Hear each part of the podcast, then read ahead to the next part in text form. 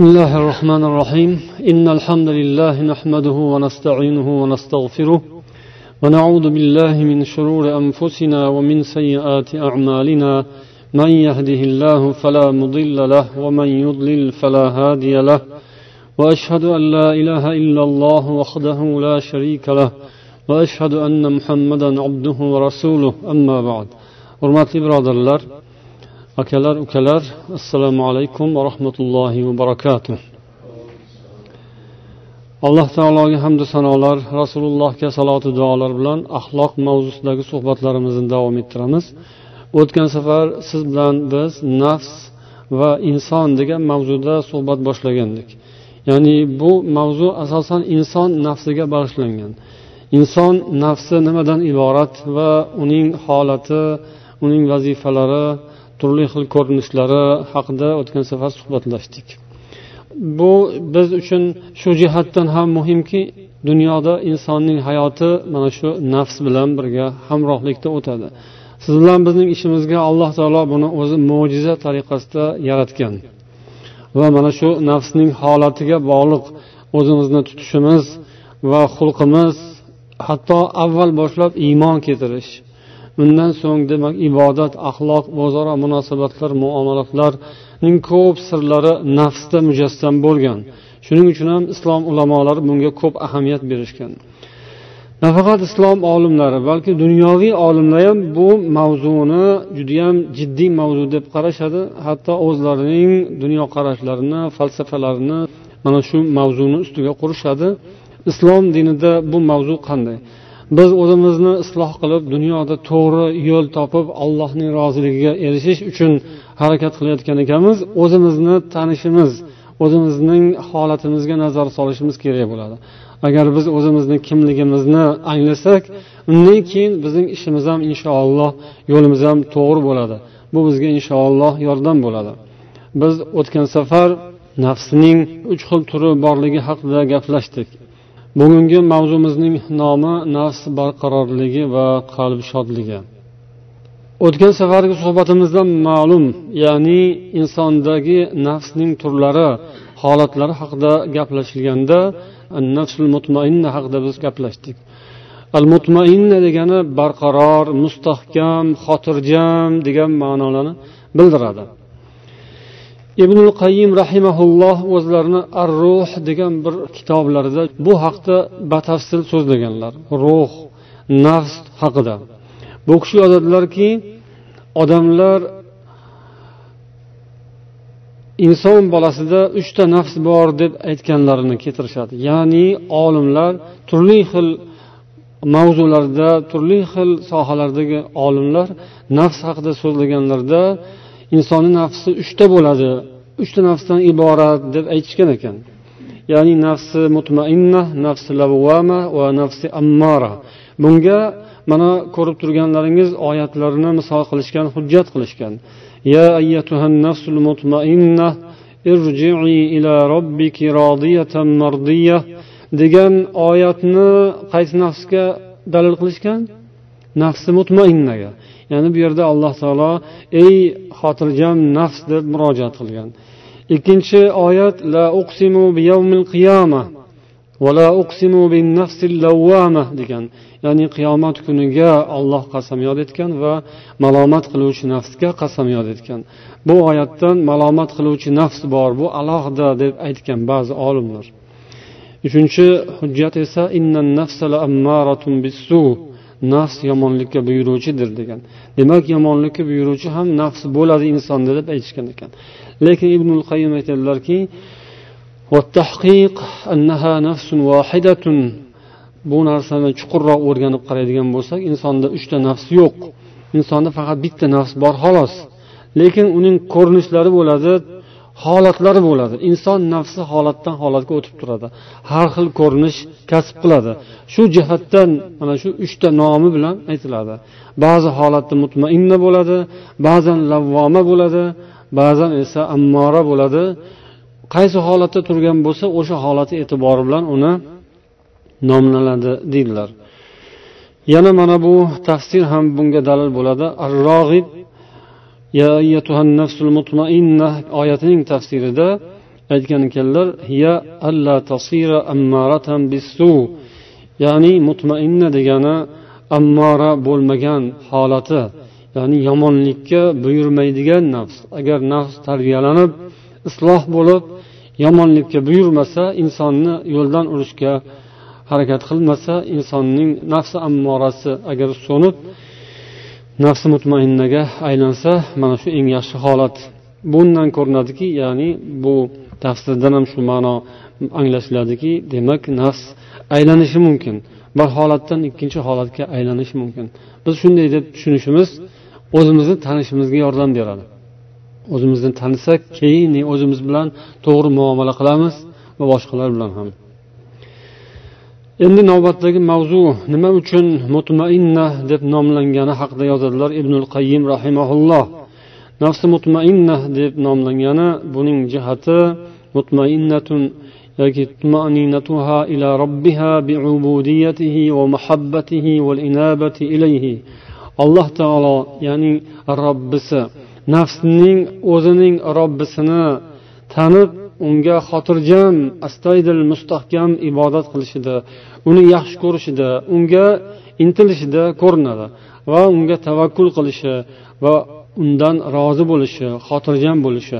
Mana shu ma'nolarni bildirar ekan. Nafs mutmainna degani inson ollohga bo'lgan o'zini ishonchi va qanoati qoniqishi xotirjamligini ifodalar ekan. Endi buning alomati esa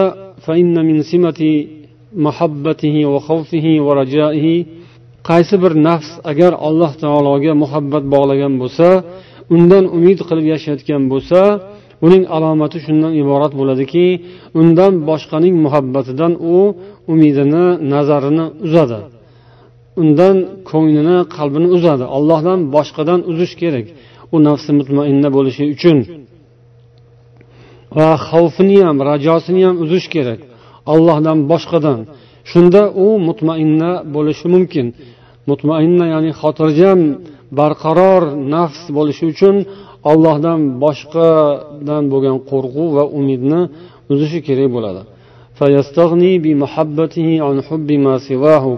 Ollohdan boshqaning muhabbati unga kerak bo'lmay qoladi. Ollohdan boshqaning zikriga ham hojat qolmaydi. Ollohning o'zi bilan mustag'niy bo'ladi. ollohni o'ziga intilib yashaydi zavqu shavq bilan umr kechiradi ya'ni muhabbat bilan iymon bilan barqarorlik mohiyat haqida yozadilar حقيقة الطمأنينة التي تصير بها النفس مطمئنة هي أن تطمئن في باب معرفة أسماء الله تعالى mutmainna ya'ni xotirjamlikning haqiqati nimada deyilsa alloh taoloning ismlari va sifatlariga bo'lgan munosabati avvalo ma'rifati. Allohning ism va sifatlarini bilish kerak u odam yoki o'sha nafs. Bir narsadan xotirjam bo'lishi uchun o'sha narsani inson bilish kerak yaxshi bilgandan keyin xotirjam bo'ladi bilmasa qanday xotirjam bo'ladi? Alloh taologa xotirjam bo'lishi uchun uning sifatlarini ismlarini bilish kerak. Olloh kim? Uning ism va sifatlari nimalardan iborat? Buni bilib buni o'ziga ilm qilib qalbiga jo qilib olishi kerak. Va allohning bergan xabar o'zi haqida va alloh haqida payg'ambarlari bergan xabarini to'liq qabul qilishi shunga taslim bo'lishi shunga rozi bo'lishi va shunga intilishi ibodat qilishi qalbini shunga ochishi va nihoyat muhimi qalbi shundan xursand bo'lishi. Qalb alloh taolo bergan xabarlarni qabul qilib tasdiqlab xursand bo'lishi kerak ekan. Keyin u mutmainna darajasiga ko'tariladi. Nima uchun xursand bo'ladi? Xursandlik sabab bo'lishi kerak. Allohning ism sifatlaridan xabardor bo'lib u bergan xabarlarni olib inson yoki qalb yoki nafs qanday xursand bo'ladi desangiz فإنه معرف من معرفات الرب سبحانه. chunki shunday ulug' parvardigor haqidagi ma'lumot u haqidagi xabarlar ilmlarga musharraf bo'lganidan u xursand bo'ladi ya'ni eng buyuk zotning haqidagi ma'lumotlar xabarlar ilmlar kimga nasib bo'lsa bu xursandlik shundan keladi inson bu dunyoda agar jiddiyroq muhimroq xabarlarni bilsa o'zini ham boshqacha his qiladi. Olloh haqidagi xabardan ham muhim yoki jiddiy ulug' xabar bo'lmaydi. Barqarorlik qayerdan qanday paydo bo'lishi haqida yana ibn qayim yozadilarki bu alloh taolo tomonidan nasib bo'ladigan ne'mat. Alloh shunga bu qalbga yoki shu nafsga agar bu ne'matni ato qiladigan bo'lsa ana shu mutmainna nafs xuddi allohning huzurida turganday bo'ladi. Olloh bilan yonma yondek bo'ladi. Olloh bilan birga his qiladi o'zini. Uning eshitishi ham gapirishi ham ko'rishi ham harakatlari ham hammasi olloh bilan. Go'yoki olloh u uchun harakat qilayotganday olloh u uchun gapirayotganday uning butun vujudi a'zoyi badaniga qalbiga allohga bo'lgan iymon muhabbat singadi va uni alloh taolo tomoniga intilishiga sabab bo'ladi va mana shu alloh taoloning zikri bilan bo'ladi deydilar الذين آمنوا وتطمئن قلوبهم بذكر الله ألا بذكر الله تطمئن القلوب olloh hidoyatga boshlaydiganlar ya'ni bu oyatning avvalida alloh taoloning haq yo'lidan yuradigan ollohning yo'liga hidoyatiga musharraf bo'ladigan odamlarni zikr qilgan. O'shalar qanday odamlar? Kimlar ollohning hidoyatiga musharraf bo'ladilar degan masalani bayon qilgan bu oyatda. Ular shunday bo'ladilarki iymon keltirgan va qalblari allohning zikr bilan barqarorlashadigan zotlardir. Haqiqatda allohning zikri bilan qalblar osoyishtalik topadi degan. Demak alloh taologa iymon keltirib uning zikri bilan qalblar taskin topadi. Allohning zikri bilan doimo yashaydigan insonlarning qalbi barqarorlashadi mustahkam bo'ladi va nafsi mutmainnaga aylanadi. سكونه واستقراره بزوال القلق والانزعاج والاضطراب عنه endi qalbning xotirjam bo'lishi osoyishta bo'lishi uning ziddidan xalos bo'lishini anglatadi osoyishtalik va xotirjamlikning ziddi bu tashvish beqarorlik bezovtalik qayg'u qiynalish azob mana shu narsa inson yoki o'sha nafs mutmainnadan daf bo'ladi. Qaysi bir nafs agar osoyishta orom oladigan nafs bo'lar ekan buning ziddi bo'lgan bezovtalikdan u qutuladi. Lekin bu qanday bo'ladi? Qalbni bezovtaligi va osoyishtaligi haqida gapiradilar. Inson qalbi to iymonga musharraf bo'lmaguncha allohning ism va sifatlarini to'liq anglab yetmaguncha unda bezovtalik bo'ladi. Alloh taologa bo'lgan iymon agar chinakam bo'lsa keyin u qalb xotirjamlikni tuyadi his qiladi. Bu borada rasululloh sollallohu alayhi vasallamni misol qilib keltirganlar u kishi olamda yakka o'zlari bo'lgan paytlarida ham alloh taolo eng avvalo u zotga iymon ato qilgan ekan eng birinchi mo'min eng birinchi musulmon bo'lgan ekanlar ana shu holatlarni misol qilib keltirganlarki وما نقص ذلك من طمأنينته شيئا فهذا أول درجات الطمأنينة bu mana shu tumanina ya'ni mustahkamlik barqarorlik xotirjamlikning birinchi darajasi eng avvalgi darajasi edi rasululloh sollallohu alayhi vasallam butun olam ahli u kishiga qarshi bo'lsalar ham o'zlari yakka qolsalar ham butun dunyoga qarshi yakka turgan holatda bo'lsalar ham u kishi alloh taolo bilan birga edilar. U kishining qalblari xotirjam edi. Ya'ni tashvishdan bezovtalikdan xotirjam edi. Agar inson mana shunday holatda ziyoda bo'lar ekan ya'ni alloh taoloning oyatlari zikrlarini o'ziga odat qilar ekan uning xotirjamligi mustahkamligi qalbining itminoni osoyishtaligi ziyoda bo'lib boraveradi deydilar. Yana shular qatorida inson oxiratga bo'lgan ishonchi barqaror bo'lishi kerak. Ya'ni mutmainna nafsning sifatlaridan biri uni o'limdan keyingi bo'ladigan holatlarga bo'lgan ishonchi qiyomatning holatlarini xuddi ko'rayotgan odamga aylanadi. Xuddi ko'rib turganday o'zi ko'zi bilan ko'rib turganday holatga keladi. Va ana shunda uning nafsi mutmainna nafsga aylangan bo'ladi. Biror bir shakku shubhaga o'rin qolmaydigan darajada. Bu borada bir zaif hadisni ham keltirganlar hadislar zaif bo'lsa ham uning ma'nosi sahih.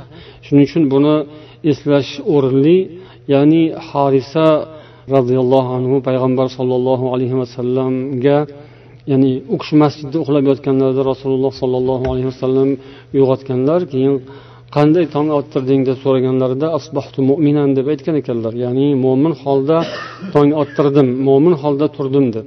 Shunda rasululloh sollallohu alayhi vasallam har bir narsani haqiqati bo'ladi sani iymoningni haqiqati nima? deb so'raganlar. U kishi nafsim dunyodan uzildi va uning ahlidan men xuddi ollohning arshini ko'rib turgandayman va jannat ahllari bir birlarini ziyorat qilayotganlarini allohning izzatu ikromiga musharraf bo'layotganlarini ko'rayotgandayman va do'zax ahli qanday azoblanishayotganini ko'rayotgandayman shuni his qilayotgandayman deb javob berganlar. Payg'ambar sollallohu alayhi vasallam abdun navvarallohu qalbahu dedilar. Ya'ni alloh taolo qalbini nurlantirgan banda mana shu dedilar. Endi barqarorlikning ikki jihati haqida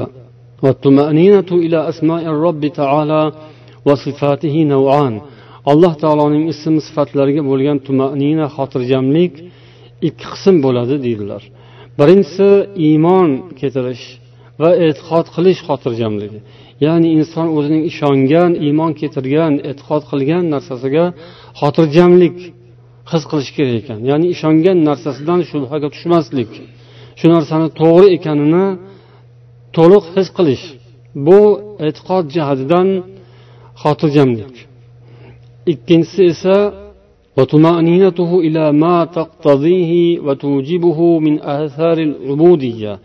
o'sha e'tiqodi taqozo qilgan narsaga xotirjamlik.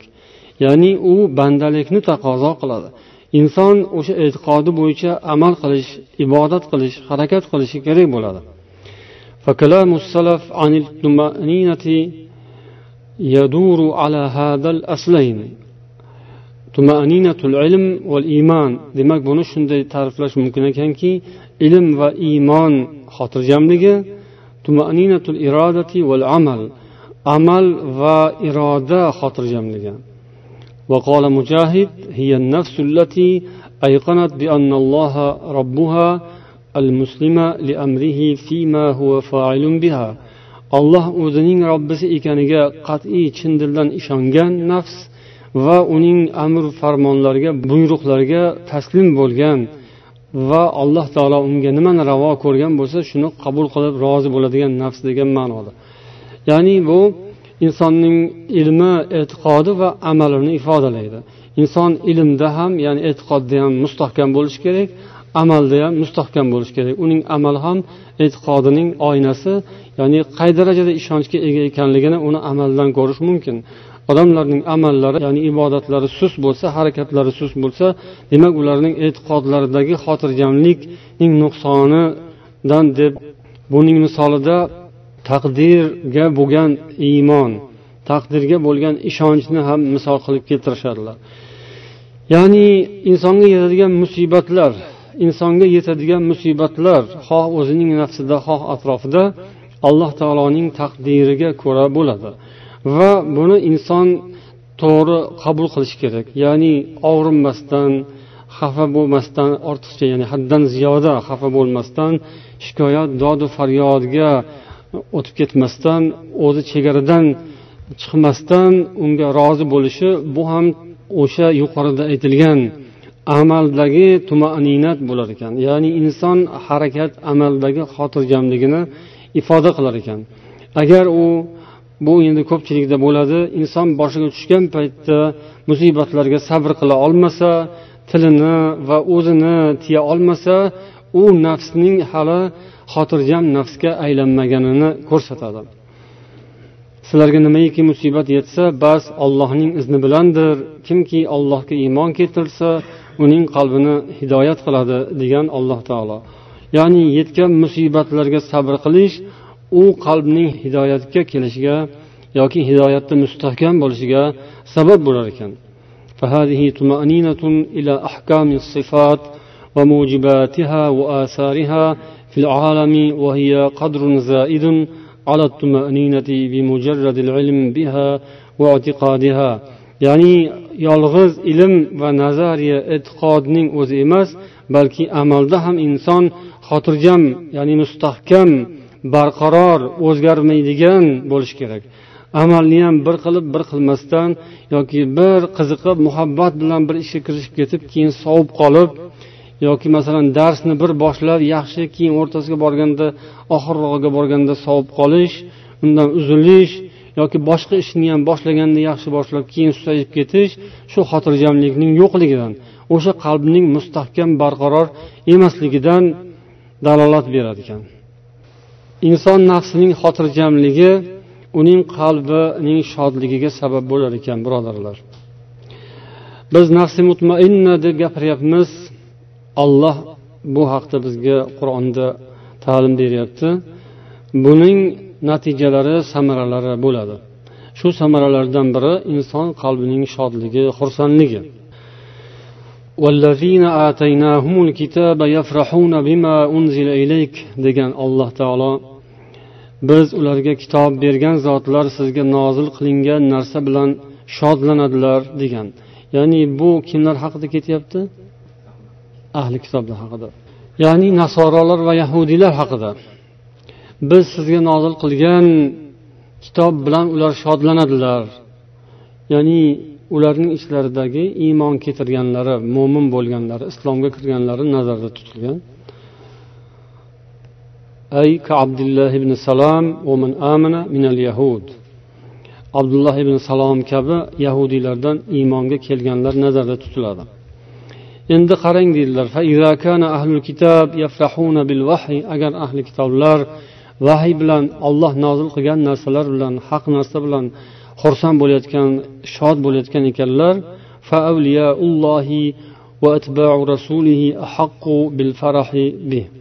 Allohning do'stlari va uning rasuliga ergashgan odamlar bu xursandlikka shodlikka ulardan ko'ra ham loyiqroqdirlar. Ya'ni mo'minlar musulmonlar ko'proq shod bo'lishlari kerak ko'proq xursand bo'lishlari bularga loyiq. يا أيها الناس قد جاءكم موعظة من ربكم وشفاء لما في الصدور وهدى ورحمة للمؤمنين قل بفضل الله وبرحمته فبذلك فليفرحوا هو خير مما يجمعون ey insonlar sizlarga robbilaringiz tomonidan maiza qalblardagi shubhalarga shifo mo'minlar uchun hidoyat va rahmat keldi. Ayting allohning fazli va rahmati bilan bas ana o'sha bilan shod bo'lsinlar. U odamlar yig'adigan narsalardan ko'ra yaxshiroqdir. Bu oyatni tafsirida ulamolar yozishgan ekanki allohning fazli va rahmati bilan shod bo'lsinlar musulmonlar mo'minlar allohning fazli nima? ما هداهم إليه من الإيمان والعمل الصالح allohning fazli iymon va solih amal va shirik ma'siyatlardan xalos bo'lish iymonga kelgan odamlar islomga kirgan odamlar shu bilan xursand bo'lsinlar shod bo'lsinlar solih amallar qilishga musharraf bo'lganlari uchun ham xursand bo'lsinlar bu narsa boshqalar yig'ib terayotgan jamlayotgan to'playotgan miyasi fikru zikri o'sha bilan ovora bo'layotgan dunyo matolaridan ko'ra yaxshiroqdir قال أبو سعيد الخدري فضل الله هو القرآن ورحمته أن جعلكم من أهله yana boshqa ta'riflar ko'pgina ta'riflar bor ekan allohning fazli bilan rahmati bilan xursand bo'lsinlar deyapti fazli bu ollohning qur'oni olloh nozil qilgan qur'on Ya'ni abu said hudriyning ta'riflari tafsirlari bu. Qur'on bilan xursand bo'lsinlar. Rahmat esa shu qur'onga sizni ahli qilib qo'ydi. Shu bilan xursand bo'lsinlar. Yana bir tafsirda fazlullohi va rahmatuhu al islom allazi hadakum ilayhi val qur'on allohning fazli islom uning rahmati esa qur'ondir. Yana jumhur mufassirin fazlullohi al islom va rahmatuhu al qur'on mana shu ma'noni ta'kidlashgan ekan. Allohning fazli islom va rahmati qur'ondir. Shu bilan xursand bo'lsinlar ya'ni mo'minlar musulmonlar. Ibn qayyim yozadilarki bu insonning qalbining xursandligi iymon bilan islom bilan xursand bo'lishi bu insonning alloh taologa allohning parvardigor ekaniga o'zining esa allohning bandasi ekaniga rozi bo'lganini anglatadi. Bu xursandlik rozilikdan ham ko'ra ulug'roq ustunroq narsa. Bu esa alloh taolo o'zi dunyo ahliga ya'ni iymon islom ahliga ato qiladigan eng ulug' ne'matdir. Ne'matlarni ham ichida eng ulug'i bor. Musulmonmiz deb aytadi ko'pchilik mo'minmiz deb aytamiz ko'pchiligimiz. Alhamdulillah islomdanmiz deymiz musulmonmiz deymiz. Lekin mana shu islom bilan musulmonlik bilan mo'minlik bilan kim qancha xursand bo'la oladi? Bizning qalbimizdagi xursandligimiz ruhimizning shodligining darajasi har xil.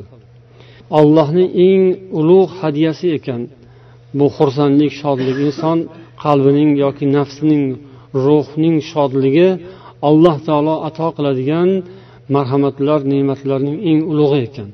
Dunyoda biz allohni ko'p ne'matlariga sazovor bo'lganmiz. Hayot aql sog'lik salomatlik boylik bola chaqa uy joy va hokazo ishlarimizning yurishi rivojlanishi bular hammasi nimaning vositasi nimaning sababchisi shundan keyin nima hosil bo'ladi bizda? Xursandlik hosil bo'ladi. Ya'ni inson hayotga kelsa farzand tug'ilsa xursand bo'ladi boshlanishi shu keyin u o'ssa unsa yoki o'zimiz ham sog' salomat bo'lsak xursand bo'lamiz. Pulimiz ko'paysa xursand bo'lamiz.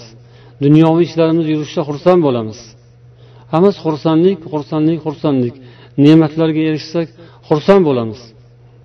Lekin bu xursandliklar bilan mana bu hozir aytilayotgan shodliklarni farqini bilishimiz kerak. Va buni anglashimiz kerak buni tanishimiz kerak tushunishimiz kerak. Ko'p odam buning farqini bilmaydi vallohu alam. Shuning uchun ham u musulmon bo'lsa ham uncha xursand bo'lolmaydi to puli ko'paymaguncha. U musulmon bo'lsa ham qur'on o'qisa ham unaqa shod bo'lolmaydi yuragi yozilib yurolmaydi chehrasi ochiq ko'rmaysiz uni. To ishi yurishmaguncha. Dunyodagi ishlari yurishadi keyin chehrasi sal yorishadi. Buyog'i sog'lik salomatligi yaxshi bo'ladi keyin sal nur kirgan bo'ladi unga. Rejalari amalga oshadi keyin siz bilan yaxshiroq gaplashadi. Agar shunaqa bo'lmasachi u xafa yuragi tor janjalkash va hokazo u bilan gaplashish qiyin chunki muammolari ko'p musibatlari ko'p u bilan ehtiyot bo'lib juda bir o'zini yo'lini topib gaplashish kerak va hokazo. Bunday misollar ko'pu dunyoda to'g'rimi? Lekin bu yerdagi ma'no nimadan iborat bo'lyapti? Tushunyapmizmi? Inson dunyoda xafa bo'ladigan xursand bo'ladigan narsasi ko'p. Lekin shularning ichida eng muhimi ya'ni olloh unga ato qilgan eng ulug' xursandlik islom bilan iymon bilan qur'on bilan xursand bo'la olish ekan. Alloh taoloning eng ulug' hadyasi ekan. Bu qimmatbaho hadyaki olloh buni hammaga bermas ekan. Olloh bola chaqa bilan xursand qilib qo'yishi mumkin pul bilan xursand qiladi ishlarni yurishtirib xursand qiladi. Lekin kimnidir olloh qur'on bilan xursand qilmaydi iymon bilan xursand qilmaydi islom bilan xursand qilmaydi. Ya'ni xursand bo'lmayapti o'sha odam. Musulmon bo'lgani uchun yetadigan xursandlikka kifoya qiladigan sabab unda borku lekin u xursand bo'lolmayapti.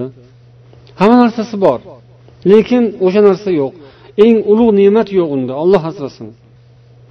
Endi mana bu so'zga qarang. Oxirat shodligi dunyodagi shodlikka yarasha bo'lar ekan. Bu dunyoda kim shod bo'la olgan bo'lsa islom bilan iymon bilan oxiratda ham o'shanga yarasha shod bo'ladi. Bu dunyoda moli dunyo bilan dunyoviy martabalar bilan mansablar bilan dunyoviy ishlar bilan xursand bo'lgan. Lekin oxiratda bu xursandligini e'tibori bo'lmaydi. Islom bilan qur'on bilan iymon bilan uncha xursand bo'lolmagan yoki ozroq xursand bo'lgan oxiratda ham o'shancha xursand bo'ladi. Bu dunyoda islom bilan qancha xursand bo'lgan bo'lsa oxiratda o'shancha. Agar ko'proq bo'lsa ko'proq ozroq bo'lsa ozroq. Bu e'tiborli narsami bu ma'nosi chuqur narsa. Islom iymonni hosil qilish bu ham o'ziga yarasha mashaqqati bor qiyinchiligi bor. Lekin ba'zan dunyo bilan o'rtamizga qo'yilgan to'siqqa o'xshamaydida islom bilan bizning o'rtamizga qo'yilgan to'siq. Dunyoni ketidan quvib qiynalib mashaqqat chekib judayam yomon ahvollarga tushib shunday holatlar bo'ladiku o'rtadagi to'siqni kattaligidan devorni qalinligidan to'g'onning kattaligi yoki jarni chuqurligidan desa ham bo'ladi. Har narsaga tashbih qilsa bo'ladi. Dunyoga bo'lgan munosabatimizdan kelib chiqib. Shu bilan taqqoslasak islom bilan bizning o'rtamizda qanaqa to'siq bor? Iymon bilan yoki qur'on bilan o'yimizda turadi qur'on tokchamizda turadi. Qanaqa to'siq bor? Ikki qadam bor xolos orasi. Shunday birga yoki qalbimizda ham bor. Qadamni nima qilasiz? Qilcha ham masofa yo'q. Qalbimizda borku qur'on. Namozda o'qiymizku tilovat qilamizku alhamdulillah. Kimdir ozroq kimdir ko'proq. Hammamizning qalbimizda alhamdulillah borku shu. Lekin biz shu bilan qancha xursand bo'lyapmiz? Yana shuni yonida g'amlarimiz bor tashvishlarimiz bor. Lekin shu g'amlarimizni hammasini eritib yuboradigan shunday bir noyob narsa ham bor. Lekin nima uchun u eritib yubormayapti? Nima uchun biz qur'on o'qib g'amdan qutulolmayapmiz? Musibatlardan ozod bo'lolmayapmiz? Chehramiz yorishmayapti?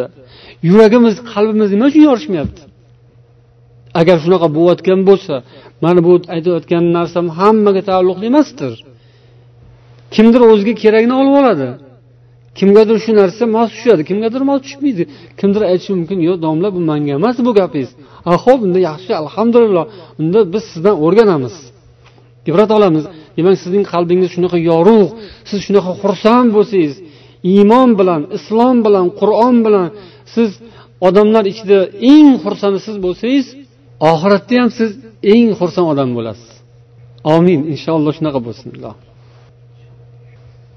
Gunohlardan tavba qilish haqida yozganlar ibnul qayim rahimaulloh ya'ni bu xursandlikning sirlaridan biri gunohlardan tiyilishda to'xtashda tavba qilishda deganlar. Ya'ni gunohdan tavba qilganda olloh qanday xursand bo'ladi? Uning misoli kelganku hadisda ya'ni bir odam safarga chiqqan ya'ni tuyasi unda hamma yeguligi ichimligi suvi va hokazo va yo'lda dam olishda shu bir joyda to'xtagan mahalda tuyasi yo'qolib qolgan. Va u boradigan joy yo'q. Tun bostirib kelyapti. U yerda vahshiylarga yem bo'lib ketishi mumkin. U yerda faqat yemoq ichmoqning tashvishi emas jonning ham g'ami bor u yerda. Shunaqa bir xavfu xatar dahshat ichida qolgan odam. Ya'ni bor burdan ajralgan endi oxiri bitta narsasi qoldi. U ham ketishi mumkin ya'ni jon qoldi. U jonni ham hozir bitta vahshiy kelib olib ketib qolishi mumkin. O'shanday holatda qolgan odamning misolini aytganlar keyin bir charchab charchab ko'zi ketib qolib keyin ko'zini ochsa qarasa tepasida turibdi tuyasi yoki nariroqda turibdi o'tlab turibdi. Oyning yorug'ida ko'rib qoldi o'tlab turganini deganlar. Shunda xursand bo'lib ketganidan ey robbim man sening robbingman san meni bandamsan devorgan xursand bo'lganidan. Bu xursandlikdan odam ya'ni gapini yo'qotib qo'yadi.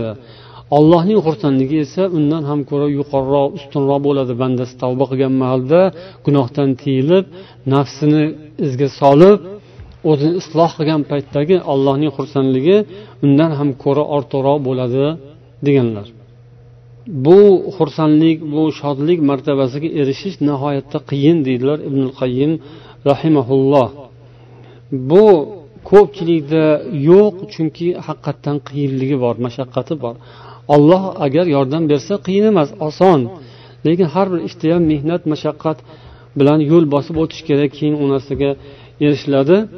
Bu tog'ni ko'chirishdan ko'ra qiyinroq deydilar. Bir tog'ni bir joydan ko'chirib boshqa joyga olib borib o'tqazish odam uchun bu martabaga erishishdan ko'ra osonroq.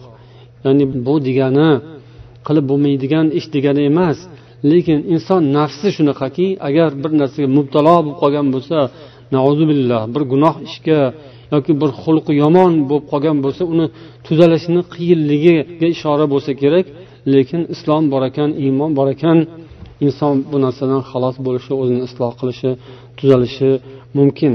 Yana aytadilarki inson agar tavba qilgandagi xursandlik lazzat rohatni o'sha gunoh qilayotgan odam bilmaydi.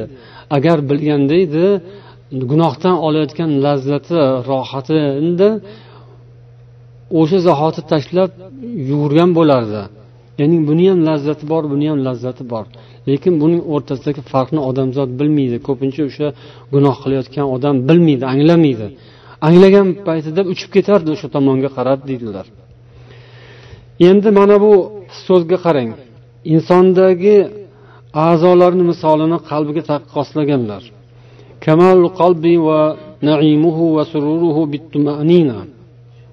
Inson qalbining kamoloti va uning rohatlanishi shod bo'lishi xotirjamlik bilan ya'ni xotirjam nafs bilan bo'ladi. Bu yerda ham bir sir bor bunga e'tibor berish kerak deydilar.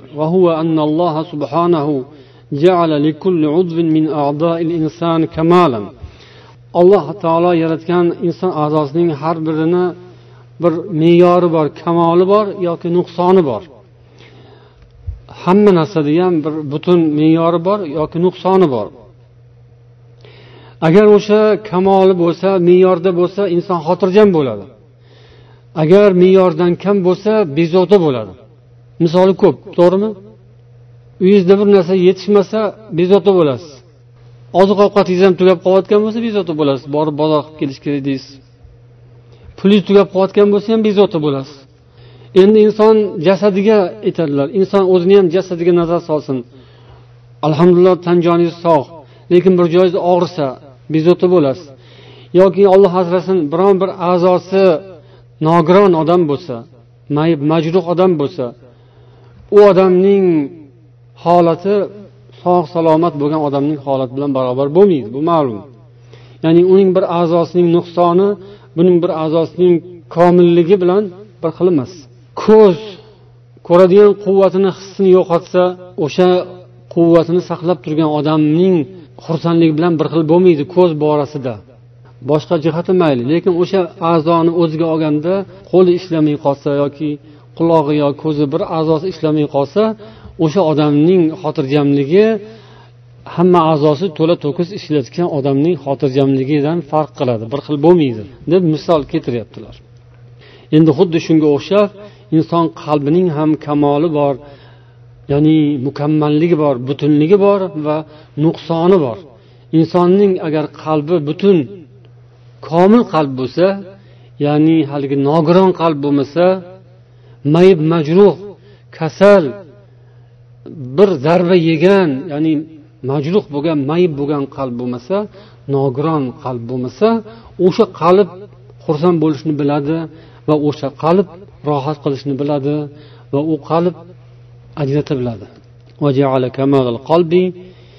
ونعيمه وسروره ولذته وابتهاجه في معرفته سبحانه endi qarang qalbning kamoli nima bilan bo'lar ekan deyilsa qalb qachon komil qalb bo'ladi? Ya'ni rohat qilishni biladigan shodlanadigan qalb qachon bo'ladi deyilsa bu alloh taoloning ma'rifati bilan. Ollohning irodasini ollohning muhabbatini alloh taoloning ibodatini unga bo'lgan itoatni taslim unga bo'lgan intilishlar bu narsalarni agar his qiladigan qalb bo'lsa ana shundagina u qalbning kamoloti bo'ladi. Ma'rifatni yo'qotish ya'ni alloh taoloni tanimaslik bilmaslik bu qalbning azobi.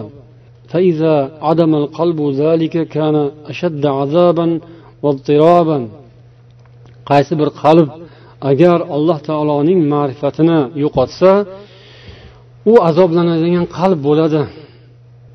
U ko'zini yo'qotgan yoki qo'lini bir a'zosini yo'qotgan odamdan ham ko'ra ko'proq azoblanadi. Qalbining xossasini yo'qotgan odam. Ya'ni qalbining xossasi qalbining ozuqasi alloh taoloni tanish edi.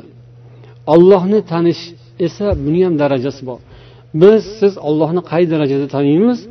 Qalbimizning kamoloti ham ana o'shanga yarasha. Dunyoviy yutuqlar har qancha ko'p bo'lsa ham agar u insonning olloh haqida bo'lgan ma'rifati tanishi ya'ni allohning sifatlarini ismlarini bilishi agar nuqsonli bo'ladigan bo'lsa u odamning qalbi hech qachon to'liq xursand bo'lmaydi to'liq shodlikka erishmaydi deydilar.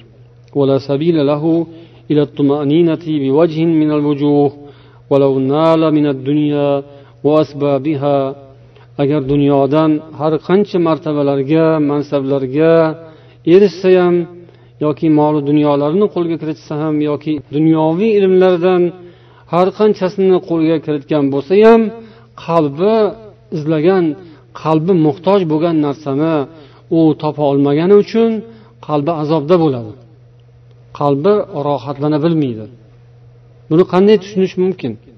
Dunyodan har qancha martabaga erishgan bo'lsa ham qalbi xursand bo'lmaydi deyapmiz lekin xursand bo'layotganga o'xshaydiku. To'g'rimi? Buni ham hayolinglarga kelyaptimi? Shunaqa savol tug'ilyaptimi sizlarda? Dunyoviy jihatdan bizdan ilmi ko'p. Dunyoviy jihatdan ko'p narsani qo'lga kiritgan eng yuqori martabalarni mansablarni egallagan eng kattasi prezident masalan yoki podshoh musulmon mamlakatlar podshoh deganlar ham bor. G'arbda ham bor podshoh deb qirolicha qirol yoki prezident yo bosh vazir va hokazo va hokazo. Milliard milliardlari bor ularni. Shu narsalar ham hayolga kelishi mumkin. Bu kishi aytyaptiki har qancha narsalarni qo'lga kiritgan bo'lsa ham uning qalbi shod bo'lmaydi deyaptilar. Xuddi birovni ustidan hukm chiqargandek uning qalbini kirib bilayotgandek gapiryapti bu odam. Lekin bu yerda savol tug'ilishi yoki e'tiroz bildirilishi mumkinku. Siz uni qalbini qayerdan bilasiz. Uni o'zidan so'ramaysizmi? O'zidan so'rab ko'ringchi nima deydi? Aytadimi voy mani qalbim og'riyapti man azoblanyapman deganmi birontasi? Oddiy holat emas. Ya'ni inson qalbi ollohni tanimaguncha komil bo'lmaydi. Kamolotga yetmaydi mukammal bo'lmaydi u xotirjam bo'lmaydi. Qo'lingiz sog' bo'lmasa qo'l bilan bajaradigan ishni qilolmaysiz ko'zingiz sog' bo'lmasa ko'zning vazifasi bajarilmaydi. Qalb sog' bo'lmasa qalb komil bo'lmasa qo'lga o'xshagan. Qo'l ushlaydi yozadi. Shu ishni qilolmaydi agar qo'l kasal bo'lsa. Qalb endi komil bo'lmasa o'zi qiladigan ishni qilolmaydi ya'ni rohat qilganda nima rohat qiladi? Qo'l rohat qiladimi? Lazzat yo qalbmi insonning qalbi. O'sha rohat o'sha lazzat bo'lmaydi. U komil bo'lmasa komil bo'lishi nimada? Ollohni tanishda ollohning tanishda ham shunchaki ha biz xudoni taniymiz. Ollohni mana shu yerdagilar hammasi ollohni taniydi. Lekin ollohni kim qanday taniydi? Ollohni hamma ismlarini bilasizlarmi to'qson to'qqizta ism sifatlarni yoddan biladimi? Kimdir? Bilmasa demak man ollohni yaxshi taniyman deb aytolmaydi yo aytolaydimi ollohni tanigan odam uni ismlarini taniydi biladi. Birovni tanish bo'lsangiz avval uni ismini so'raysiz to'g'rimi? Ismini bilmasdan man palonchini bilaman deyolmaysiz bir odam bor bir do'stim bor. Oti nima ha otini otini yaxshi bilmayman. Bu bilan bo'lmaydiku. Ollohni taniyman degan odamlar ollohni nechta ismini bilasizlar? Ollohni taniyman deganlar uni nechta sifatini bilasizlar? U ismlarning ma'nosi nima? Sifatlarning ma'nosi nima? Yana taniymizmi taniymiz alhamdulillah taniymiz baribir taniymiz deyaveramiz lekin tanishdan tanishni farqi bor. Ollohni tanishimizdan ollohni tanishimizni farqi bor. Ollohni tanimasa uni qalbi komil bo'lmas ekan rohat qilolmas ekan. Lekin dunyoni hammasini egallayotganlar demak qalbi azobda bo'lishi kerak. Bu ta'rifga ko'ra ularda iymon yo'q oxiratga ishonch yo'q umid ham yo'q qo'rquv ham yo'q. Ibn ta'riflariga qaraganda ularni qalbi azobda bo'lishi kerak. Lekin azobdami? Nima deysizlar qanday? U ularni azobda turishligi ollohni tanimaganligidan azobda turadi. Dunyoga berilib dunyodan boshqa narsani fikrlamaganligi uchun ya'ni shu qo'liga tushmaganligi uchun davlat tushgan narsasi ketib qolganligi uchun doim azoblanib yaxshi. Yana kim nima qo'shimcha qiladi? Umidi yo'q ya'ni bitta ularga yaxshilik bo'lmaydi. Shunga ko'ra hozirgi ham ularni qalbi to'liq emas shod emas keyin ko'p misollar keltirilgan o'shani man hamma narsam bor bu dunyoda qo'limni qattiq qilsam yetadi lekin hozir san aytgan ashulani man boshqacha qabul qildim haligi yig'lab bir ayol gapiradiku boy ayol kemada namoz o'qilganda bunaqa misollar ko'p keltirilganku boy man hamma narsam bor lekin san aytgan narsa nima edi bu hozir mani qalbimni boshqacha yumshatib yubordi deb qur'onni eshitib shunaqa demak bu masalada o'zimizga va atrofimizga nazar solish haqida ketayotgan edi. Qalb shodligi nafs xotirjamligi allohni ism va sifatlari bilan tanishdi ekan biz qanday ahvoldamiz degan savolni har kim o'ziga berib ko'rishi kerak. Ko'p odam mana qalbim butun qalbim toza qalbim toza deydi ancha muncha odam. Biz o'zimizning nafsimizni qaysi nafsdan deb hisob qilamiz? Qalbimiz shodmi yoki xafami? Biz xafamizmi shodmizmi bunga ham bir qarab ko'raylik. Uyga borib ham o'ylanglar birodarlar. Javobini bitta qismini aytdinglar. Yana bitta javobi bor bu savolni.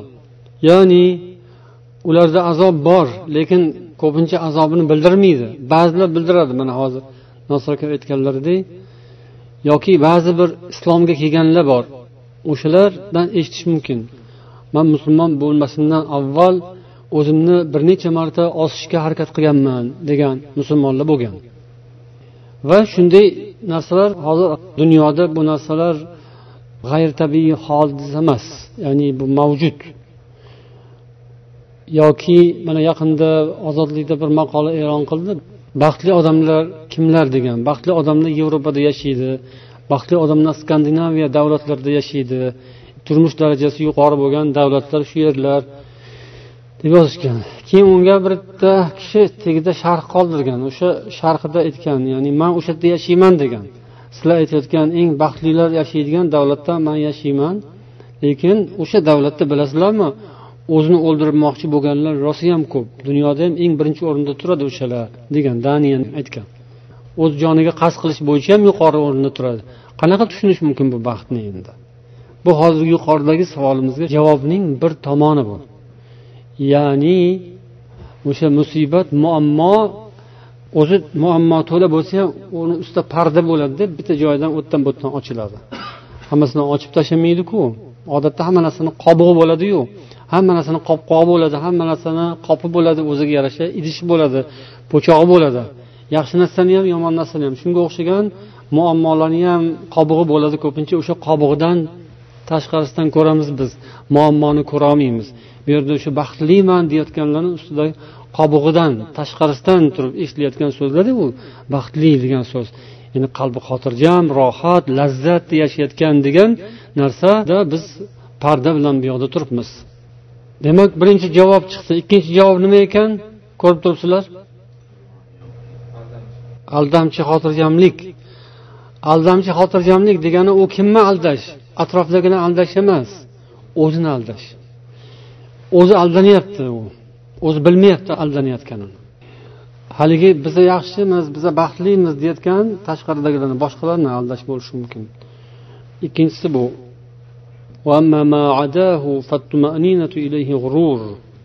Ya'ni ollohdan boshqaga xotirjam bo'lish ollohdan boshqa bilan bog'lanib mustahkam bo'lish o'sha bilan barqaror bo'lish bu hammasi g'urur yolg'on. Bu aldamchilik aldamchi mustahkamlik aldamchi barqarorlik yolg'on mustahkamlik yolg'on ishonch mo'rt tagi puch mustahkamlik. U shunday vaqt kelganda bir lahzada quliydi tegi tubi bilan ketadigan.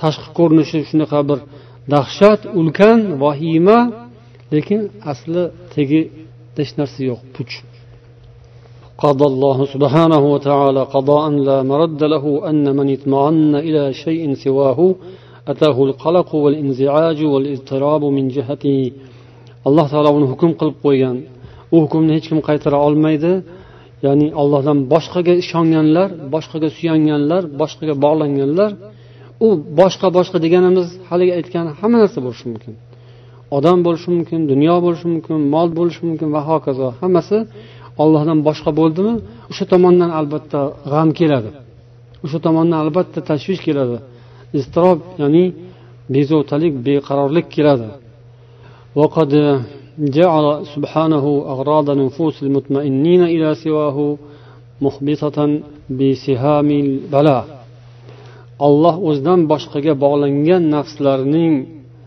oqibatini o'sha bog'langan narsalar orqasidan balo keladigan qilib qo'ygan. Yoki ibadahu va maqtu. Bandalar allohning do'stlari bilib qo'ysinlarki ollohdan boshqaga bog'langanlar kesilgandir. Bog'langanmiz degani asli kesib qo'yilgan u. ko'rinishga bog'liqqa o'xshab turibdi u kesilgan. Kesilgan joyini ko'rmayapti ular.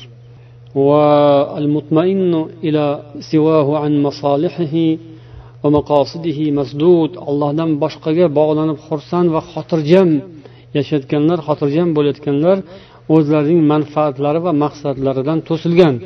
Allaqachon to'sib qo'yilgan u? Faqat ular ko'rmayapti. Va mamnu man qilingan. Bu demak zohirdan shunaqa ko'rinadi shunaqa tuyuladi. Aslida esa teskari va uning aksi bo'ladi. Xuddi bir ishni mana mushriklarda yoki jinoyatchilarda bo'ladiyu odamlarni bir ishni qildirmoqchi bo'lsa ularni yo yolg'on ma'lumotlar bilan yolg'on tashviqotlar bilan oyoqqa turg'izadi yoki bir narsa ichiradi yoki bir narsa qiladi. Ya'ni ularni o'zidan chiqarib yuborib keyin ularni shunaqa kuch bilan biror narsani qilishga undaydi yoki shunday qilib uddasidan chiqadi. Bu quvvat kuch keladi o'shalarga. Lekin bu kuch yolg'on kuch yolg'on quvvat edi bu. Ya'ni tabiiy quvvat emas tabiiy kuch emas.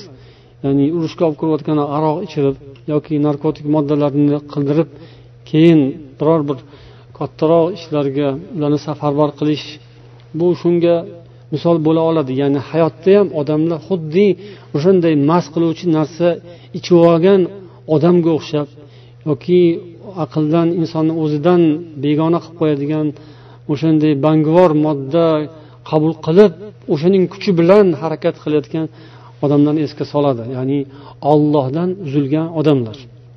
Ollohning quvvatidan kuchidan allohga bo'lgan ishonch iymondan uzilgan odamlarning misoli demak ana shunday.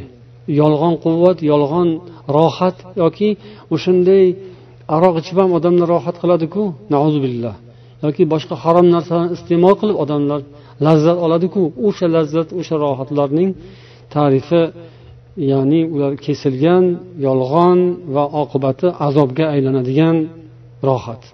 Lekin musulmon insonning holati esa demak yuqorida aytib o'tdik agar o'sha darajaga erisha olsa mo'min musulmonlar va bu narsaga targ'ib qilingan sizdan bizning hammamiz qalbimizni o'zining vazifasini bajarishga bo'shatib qo'yishimiz kerak. Qalbimiz o'zini ishini qilsin qo'limiz o'zini ishini qilsin. Bizni boshqaradigan agar qalbimiz bo'ladigan bo'lsa qo'limiz ham to'g'ri ishni qiladi inshaalloh va qalbimizni ham haqqini ado qilgan bo'lamiz. Insonning qalbi ollohni tanishi kerak. O'zining robbisini tanishi kerak. U robbisini tanigandan keyin u komil qalb bo'ladi va u lazzatlanadi rohatlanadi va o'sha rohat o'sha lazzat bilan inson bu dunyoning musibatlarini yenga oladi. Ya'ni bu dunyoning nuqsoni bordi kamchiligi bordi u nuqson har sohada uchraydi moli dunyoda uchraydi yoki ishda kasbi korda uchraydi hamma sohada nuqsonimiz bor kamchiligimiz bor. O'sha kamchiliklarni siz aytganday isloh qilish uchun qalbimiz kuchli bo'lishi kerak. Yuragimiz keng quvvatli bo'lishi kerak. Yurak qalb quvvatli bo'lishi uchun egasiga bog'lash kerak uni. Egasiga shunday bir ilintirib qo'yish bilan emas mustahkam bog'lash kerak. Mustahkam bog'lash uchun biz egasini tanishimiz kerak. Ya'ni uni ismlari va sifatlari bilan allohni yaxshi tanib anglab olishimiz kerak.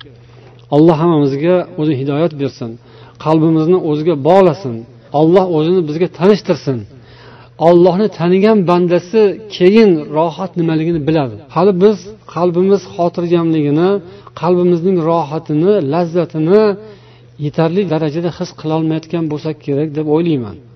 Ya'ni yosh bola bilan katta odamni farqini borku taomni lazzatini rohatini bilishda ham odamdan odamni farqi borku to'g'rimi? Hali bir taomni yeb ko'rmagan odam uni yeb totib ko'rgan odam bilan bir xil bo'lmaydiku. Ya'ni bu lazzatini bilib qolgandan keyin mazasini totib qolgandan keyin deyiladiku o'shanga intiladi. O'shani muhayyo qiladi. U odam bilan bu odamning farqi bor. Shunga o'xshab alloh taoloni tanish uni bilish bilan bizning hozirdagi bilimimizning o'rtasida farq bor birodarlar. Shuning uchun ham bizning qalbimiz dilimiz hali komil emas. O'zining vazifasini o'zi qilaman degan ishlarni hali qilolmayotgan o'zining vazifasini ilohim bajarsin. Qalbimiz komil qalbga aylansin. Alloh taolo hammamizga o'zi yordam bersin. Subhanakallohumma va bihamdik. Ashhadu an la ilaha illa anta astag'firuka va atubu ilayk assalomu alaykum va rahmatullohi va barakatuh